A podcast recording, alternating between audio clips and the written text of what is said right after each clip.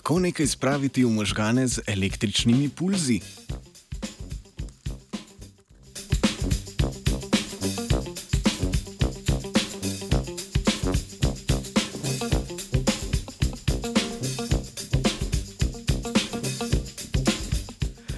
Mednarodna raziskovalna skupina v reviji Drug Delivery poroča, da pulzirajoča električna polja nizke jakosti prehodno povečajo prepustnost krvno-možganske pregrade.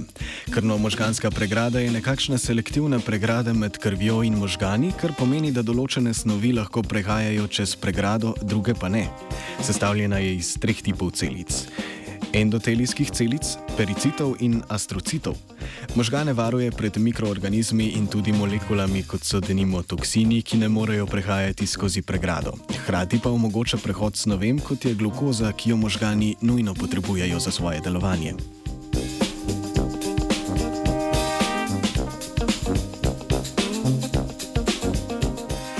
Krvno-možganska pregrada lahko predstavlja veliko oviro, kadar želimo v možgane dostaviti nekatera zdravila.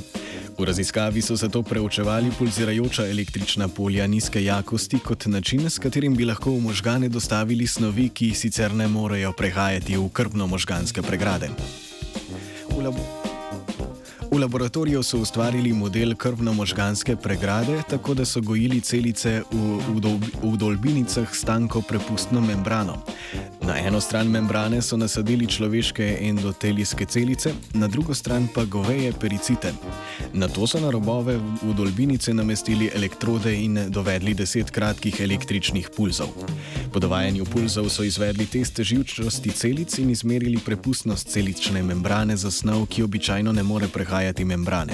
Kot kontrolo so uporabili v dolbinice s celicami, ki jih niso izpostavili električnim pulzom.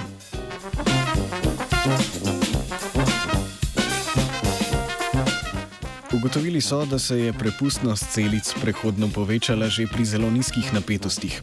Pri nizkih napetostih tudi ni bilo razlik v živosti celic, ki so jih izpostavili električnemu polju v primerjavi s kontrolo.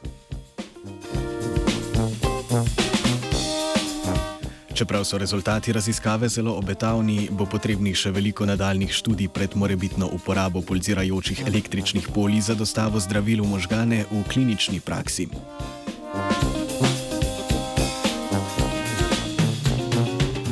Celice izpostavlja električnim pulzom tudi Angelika.